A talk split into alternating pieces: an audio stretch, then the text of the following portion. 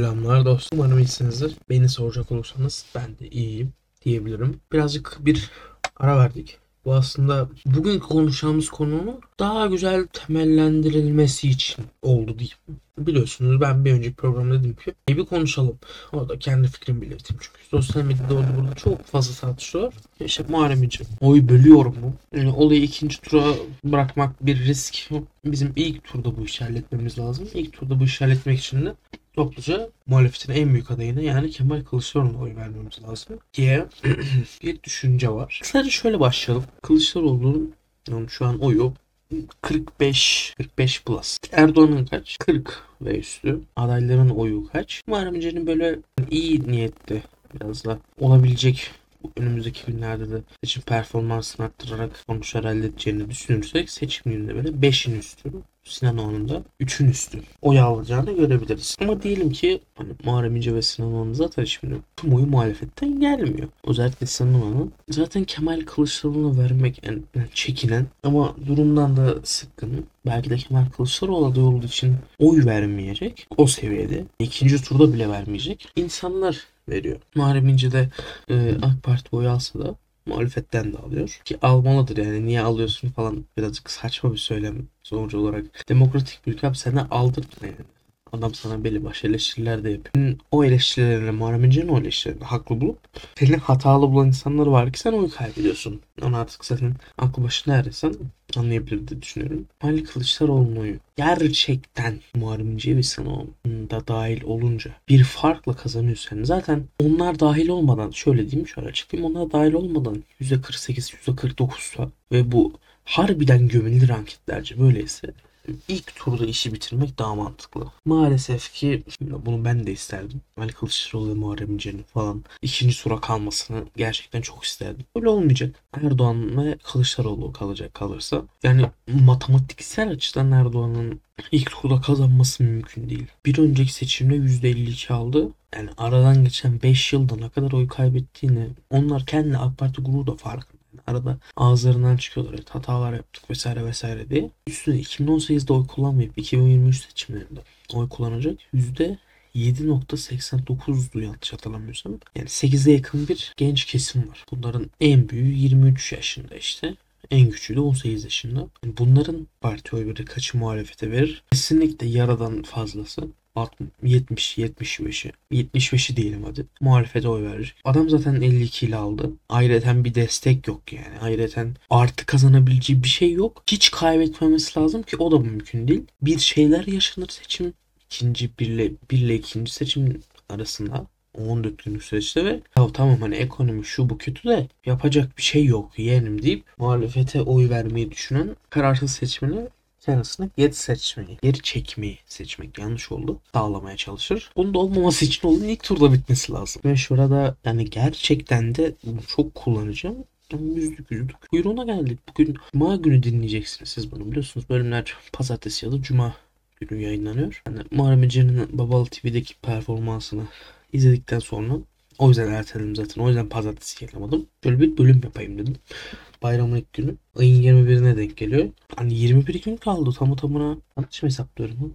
Birazcık rezil olacağım. Yok evet. 21 gün 22 gün mü? Şimdi bu pazardan başlayacak olursak evet 20 23 gün lan. Niye bu kadar? Niye bu kadar?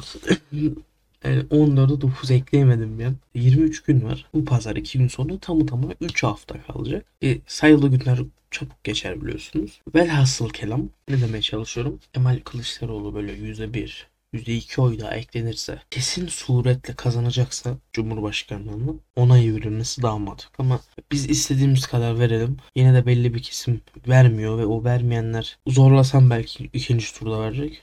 O yüzden ilk turda kazanması imkansız gibi bir tablo önümüze düşerse istediğiniz partiye oy vermekte özgürsünüz arkadaşlar. Olay bundan ibaret. Şey mevzusu var bir de.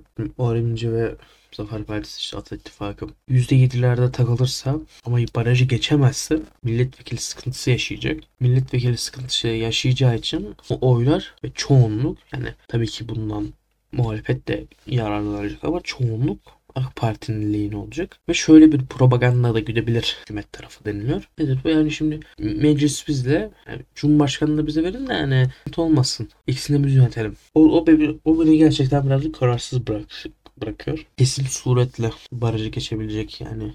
Burada ne var? Cumhur, Cumhuriyet Halk Partisi ve İyi Parti var yani. Bunlara oy verip kafa rahat bir şekilde seçimin sonuçlarını beklemek daha hayırlı olur diye bir düşüncem var. Ya da zaten çoğu insan böyle düşündüğü için diğer partiler barajı geçemiyor. Bizim ne olursa olsun vermemiz gereken gerekiyor diye düşünen bir tarafım var. Ve ben açıkçası şu anki muhalefete muhalif grubun bir partinin mecliste 20, 30, 40 neyse artık 10 bile olur milletvekiliyle temsil edilip o görüşü savunmasını isterim. Ama bu da öyle keyfi bir seçim değil. Gerçekten çok kritik bir seçim. Mesela Babala TV'deki Muharrem İnce buna katılmadığını söylüyordu. Tamamen yanlış. Hani son seçim birazcık iddialı. Belki son seçim olmayabilir ama baskının daha da arttığı bir dönemdeyiz. Bunlara rağmen hükümet kazandığını görürse ipin ucu gerçekten çok kaçar. Hani belki cesaret edemezler işte son seçim falan filan muhabbetine. Ama her türlü baskının çok çok daha artacağı bir 5 yıl yaşayacağımıza eminim. Hiç gerek yok yani kattan olmaz. 5 yıl boyunca abi bu hükümetin hataları yüzünden insanlar ölüyor. Yaşadığımız sosyal olaylarla falan ne yani insanların hakkına girmiş oluruz. Ölen insanların hakkına. Bu imar affı yüzünden ölen insanların hakkına. Beceriksizliği, ekonomi politikaları yüzünden intihar eden, intihar etmekle beraber hani tam oradan bir can gitti. O kişinin ailesinin etkilendiği psikolojik durum falan. Bunlar kabul edilebilir şeyler değil. Hani 5 yıl daha yönetelim. Ne olacak? Hani katlanırız. Yok abi. Yok bir gün bile daha olmaması lazım. Keşke benim temennim şu yönde. Muharrem İnce adaylıkla güzel bir anlaşma ile aynı DEVA gelecek. Ve minimum küçük partilerde yapıldığı gibi mecliste kendini temsil edebilecek bir grup oluşturabilseydi ve oy olarak da Kemal Kılıçdaroğlu'na verilseydi hem Muharrem İnce hak ettiğini alırdı. Artık bir sonraki seçimde şansını denerdi ve bu yaptığı işten dolayı da bir sonraki seçimde artı kazanacağını düşünüyorum ben. Yani böyle bir şey yapmış olsaydı yani. Ve kararsız seçmen de e, AK Partili seçmen de ilk turda Sinan Oğan'a verirdi.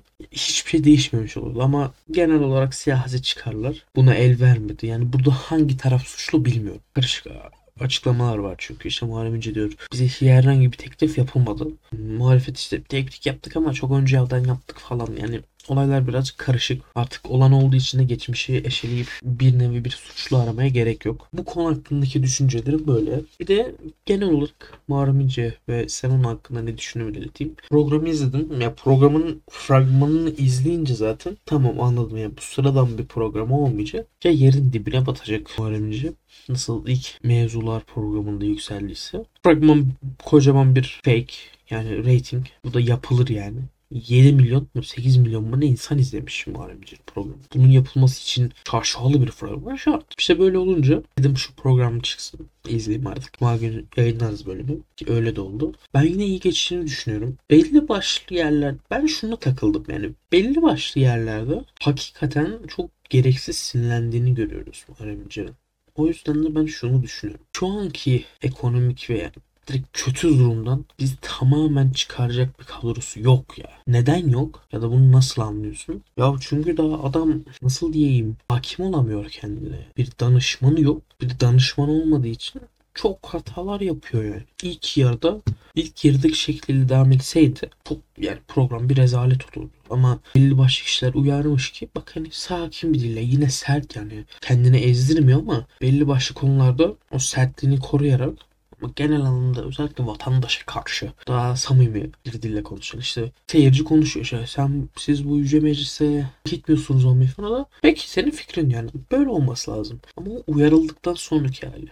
Yani ilk yarıdaki şekilde olsaydı şey sen ne diyorsun? falan filan diye sanki mecliste ayrı bir milletvekili tartışıyormuş gibi bir konuşmaya gidebilirdi. Ben şöyle diyeyim birazcık toparlayalım Muharrem İnce. Sonra sınavına geçelim. Muharrem İnce'nin Muharrem İnce Cumhurbaşkanı olabilir. Sadece Cumhurbaşkanı olabilir. Kendisinin ve Memleket Partisi'nde evet kaliteli insanlar var ama programda açık açık söylüyor yeterli milletvekili sayısına başvurusunu bulamadık diyor. Bu ne demek? Bu 18 yaş ile 25 yaş arası ücretsiz başvuru. Yani herhalde ben bile başvursam kabul edilecektim yani. Yetersizmiş. Belli bir kadroyla ya şu seçimde böyle bir %3'ü geçse hatta barajı geçse be bu parayla kendini kanıtlayıp bir sonraki seçimde çok daha büyük bir yer elde edebilir. Ama Muharrem İnce de yaşlı. Yani 60 yaşına dayandı yanlışım yoksa. Ya da hani 55'ten fazla her türlü. 60'a yakın. Bir sonraki seçimde 60'ı geçer. 57 idi sanki bir ara. Ya da bir sonraki seçimde 50 küsür bir şeydi. 54 olsa 5 sene geçmiş 2018'den. Şu an 59 yani. 53 olsa 58. Her türlü bir sonraki seçimde 60 küsür yaşa dayanacak ve az kodu çekilmek ister belki. Çünkü bir televizyon programında da bana bir sene verin işte bir dönem bir hükümet süresi verin. Bir 7 yıl yok 5 yıl pardon o. Millet İttifakı'nın getireceği sistemde 7 yılda. Ben ondan sonra çekileceğim diyorum.